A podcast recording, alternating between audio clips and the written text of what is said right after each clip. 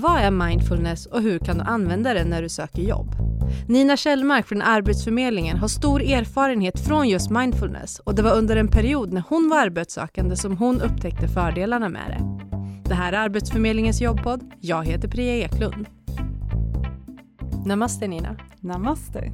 Du och jag ska prata om någonting som jag tycker är lite läskigt faktiskt. Eh, och så ska vi koppla det till arbetssökande. Så vi får se här nu hur, eh, hur det här går. Men vi ska prata om mindfulness. Ja. Då tänker jag att vi börjar med att du får förklara för mig. Jag har ju min bild av mindfulness, eh, men jag vill att du förklarar för mig och de som lyssnar vad mindfulness är. Ja, i och för sig skulle det vara jättespännande att höra vad din bild är, så här, innan, vi, innan vi startar. Alltså det tycker du? Ja. Ja, nej men min bild är att eh, Nej, jag vet inte. För mig är det någonting flummigt och då så kan man vara lite här och nu, fast 2.0. Ja. Eh, Att, alltså att man släpper tankarna på allting.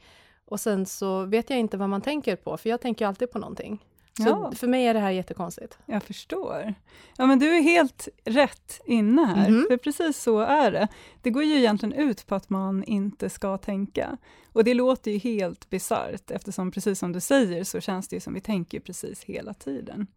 Men eh, ja, men eh, jag tänk, kan ju bara berätta lite om själva liksom, upptakten till det. Mm. Det är att eh, det, det var en man, eller en man som heter John Kabat-Zinn, som är medicinsk professor i USA.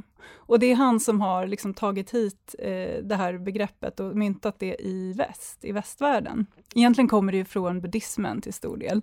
Men han har liksom skalat av religionen kan man säga, och tag- tagit bort den, för att anpassa den till våra förhållanden här. Okej. Och, ja. Så det, det har ingenting med religion att göra? Nej, så att i, för oss har det ju faktiskt inte det. Nej. Eh, för vissa kan det ju ha det om man själv lägger in den innebörden, men mindfulness i sig, det är bara ett förhållningssätt. Det är Mm. liksom en metod man kan använda med syfte att till exempel minska stress och få andra positiva effekter i Mm. sitt liv. Vi ska komma in på det. Jag vill bara Ja. göra en koppling, att jag tror att många kan koppla mindfulness till yoga. Just det. Kan man göra det? Eh, alltså det har väl ingen direkt koppling egentligen, men inom mindfulness så kan man ju använda vissa enkla kroppsövningar för att öka sin medvetenhet om vad kroppen sänder ut för signaler och så vidare. Så att man använder ofta enkla yogaövningar i kombination med det här förhållningssättet och Mm. meditationen som man har som arbetssätt inom mindfulness. Just det. Innan vi kopplar mindfulness till arbetssökande så vill jag att du berättar om fördelarna. Du var lite innan på det. Alltså det finns ju hur mycket som helst.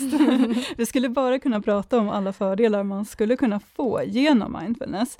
Men för att nämna några så är det ju, det största som jag ser det, det är egentligen att man kan minska sin upplevelse av stress i livet. Eh, men sen är det ju också att man, det används inom sjukvården då just i det syftet och även för att kunna hantera olika smärtotillstånd och kanske ångesttillstånd och sånt.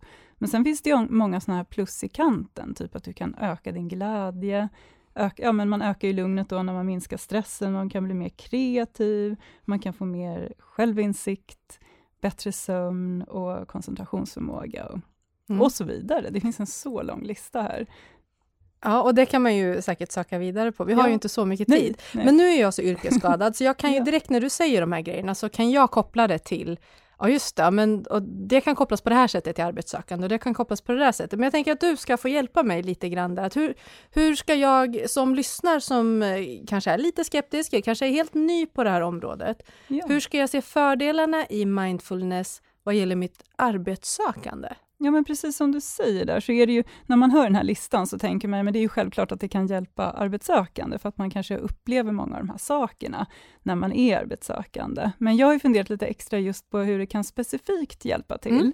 Och då är det bland annat att, dels är det det här liksom mer generella, att man lär sig då genom att observera sina tankar, vilket det går ut på då, så kan man ju fatta mer medvetna beslut och eh, sålla bort sånt som inte är till gagn, och att man helt enkelt fokuserar på det som tar en framåt, istället för att fastna i olika tankemönster och sånt där. Men att man blir mer inifrån styrd än utifrån styrd, om man över tid praktiserar mindfulness. Och det är ju någonting som är väldigt bra, för att det ökar ju ens eh, självkänsla. Mm. Och, eh, och det gör ju att man på något sätt, att man kan må bra, eh, oavsett de yttre omständigheterna. Och jag tänker som arbetssökande, som jag själv har varit förut, då vet jag ju att då kan det kännas som att de yttre omständigheterna är inte så bra. Men det här är ett verktyg som man liksom kan ta till då, för att inte behöva uppleva det på det sättet. Mm.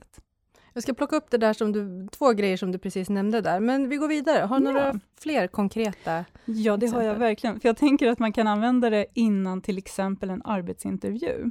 För då kan du göra en sån här liten mindfulnessövning när du sitter och väntar på den här arbetsgivaren och kanske är extra nervös, som jag vet att jag kan bli i alla fall när jag sitter och väntar. Man blir så här, det bara händerna kanske svettas och man får lite hög eh, puls och så vet man inte riktigt vad man ska säga, man har repeterat vissa saker, men då, det är då man tar till just en sån här konkret övning för att få ner pulsen och bli mer koncentrerad. Och mm. det hjälper ju verkligen. Just det. Har du något mer? Ja, sen kan man till exempel göra det några minuter innan man kanske ska skriva sin arbetsansökan.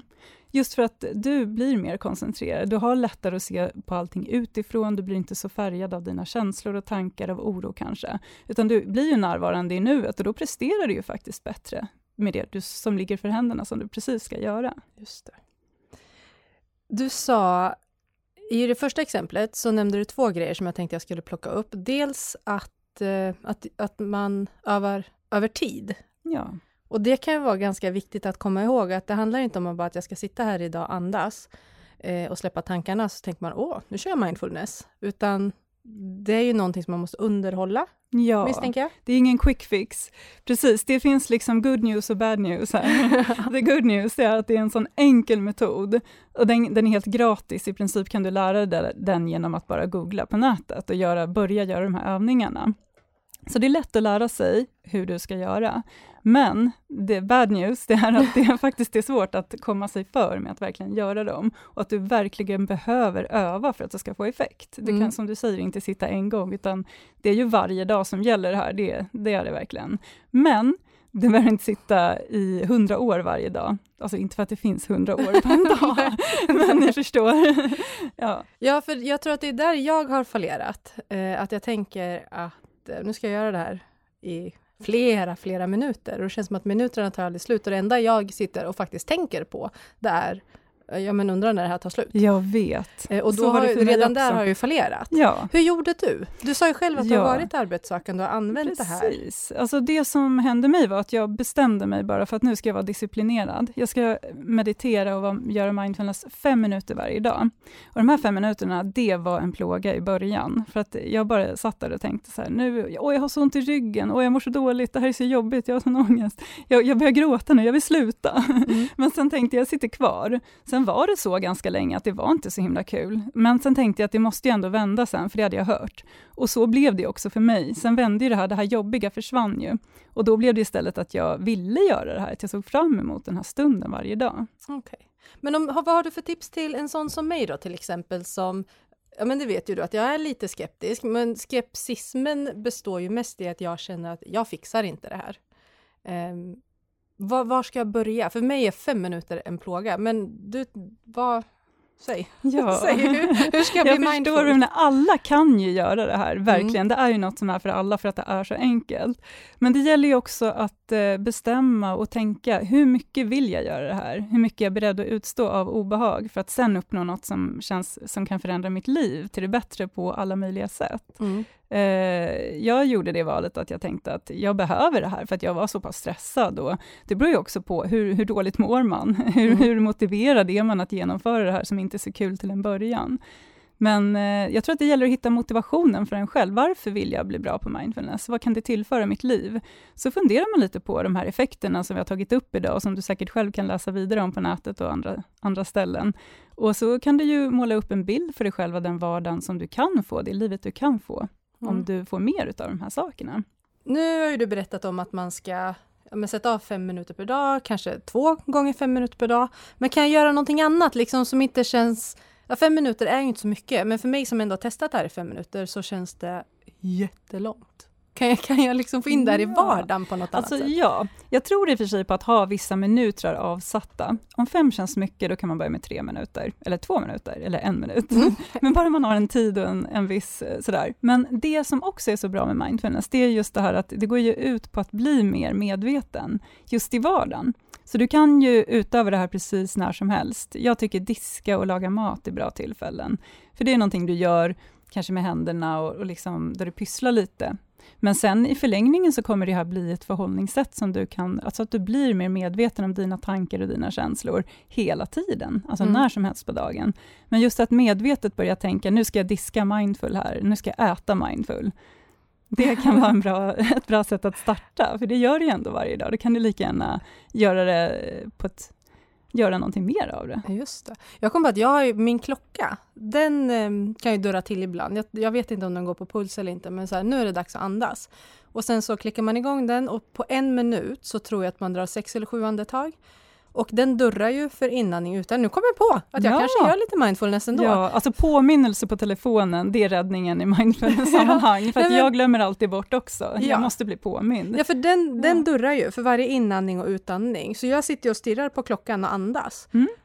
Och jag kan kanske inte tänker på någonting då. Ja, exakt. Du tänker bara, då kan du börja tänka bara på ditt andetag. Hur känns mitt andetag just nu när jag andas in? Hur långt ner går andetaget? Hur känns det när jag andas ut? Var i kroppen känns det?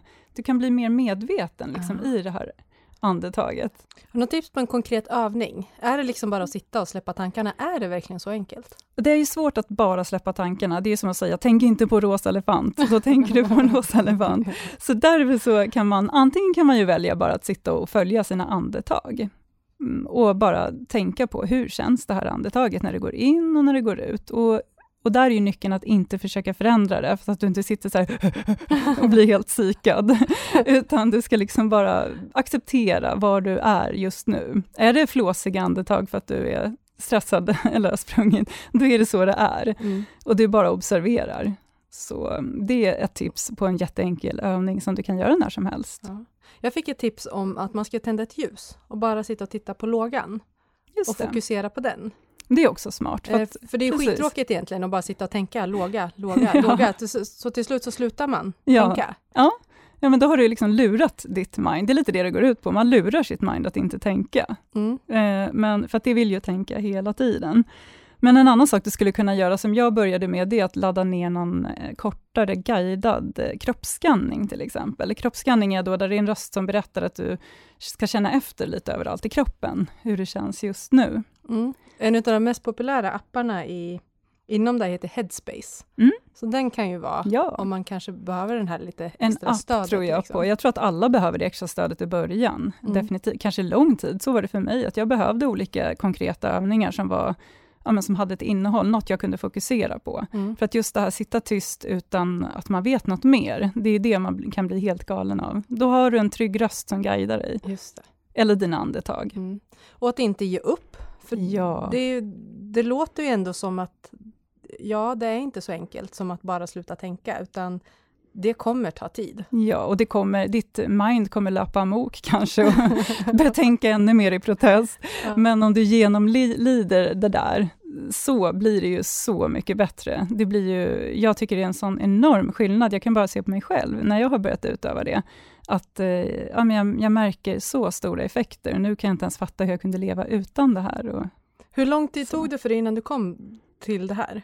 Ja, kan vi passa på den? Nej, men det tog rätt lång tid ja. faktiskt. Men jag var väldigt målmedveten. Så att, eh, men man får ju se de små segrarna också på vägen. Att, eh, vad är ens målbild? Vad är realistiskt? Och ibland kan det ju vara just att, men det här är ett stöd för mig i den här perioden. Mm. Men sen är det ju fantastiskt om man kan hålla i det här tänket.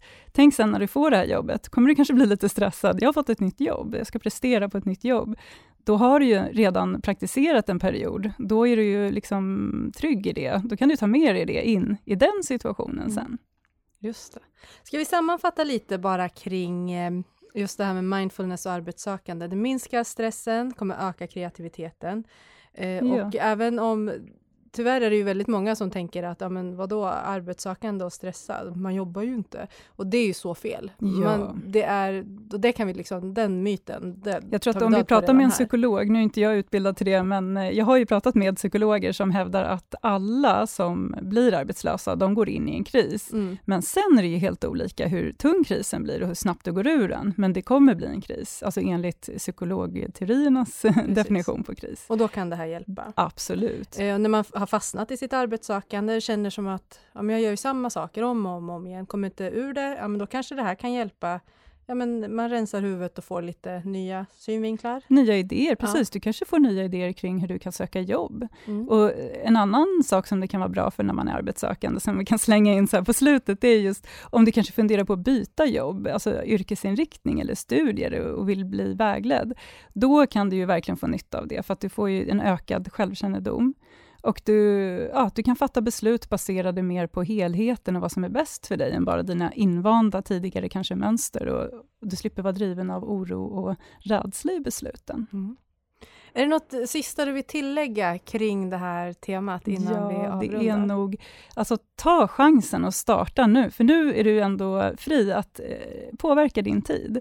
Sen när du har ett jobb att gå till, då är det inte lika lätt. Så att även om det är mycket att göra när du söker jobb, du kanske känner att du har ett späckat schema, du ska göra jättemånga ansökningar och ha jättemycket inbokat och så, så kan du ändå styra över din tid. Då kan du ju styra in några sådana här pauser varje dag.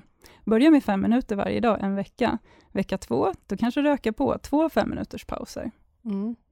Tack Nina för den här insikten om mindfulness. Det är en del som du har sagt som jag känner att jag, som jag sa till dig tidigare, jag är inte helt övertygad, men jag har också förstått att eh, det räcker inte med, med en gång, Nej. utan jag måste testa under en längre Precis. period. Ja. Så ta, ta med dig det här i arbetssökandet, säger vi till personer som lyssnar då helt enkelt. Och våga testa. ja, gör det. Ja, bra. Tack så mycket Nina. Tack.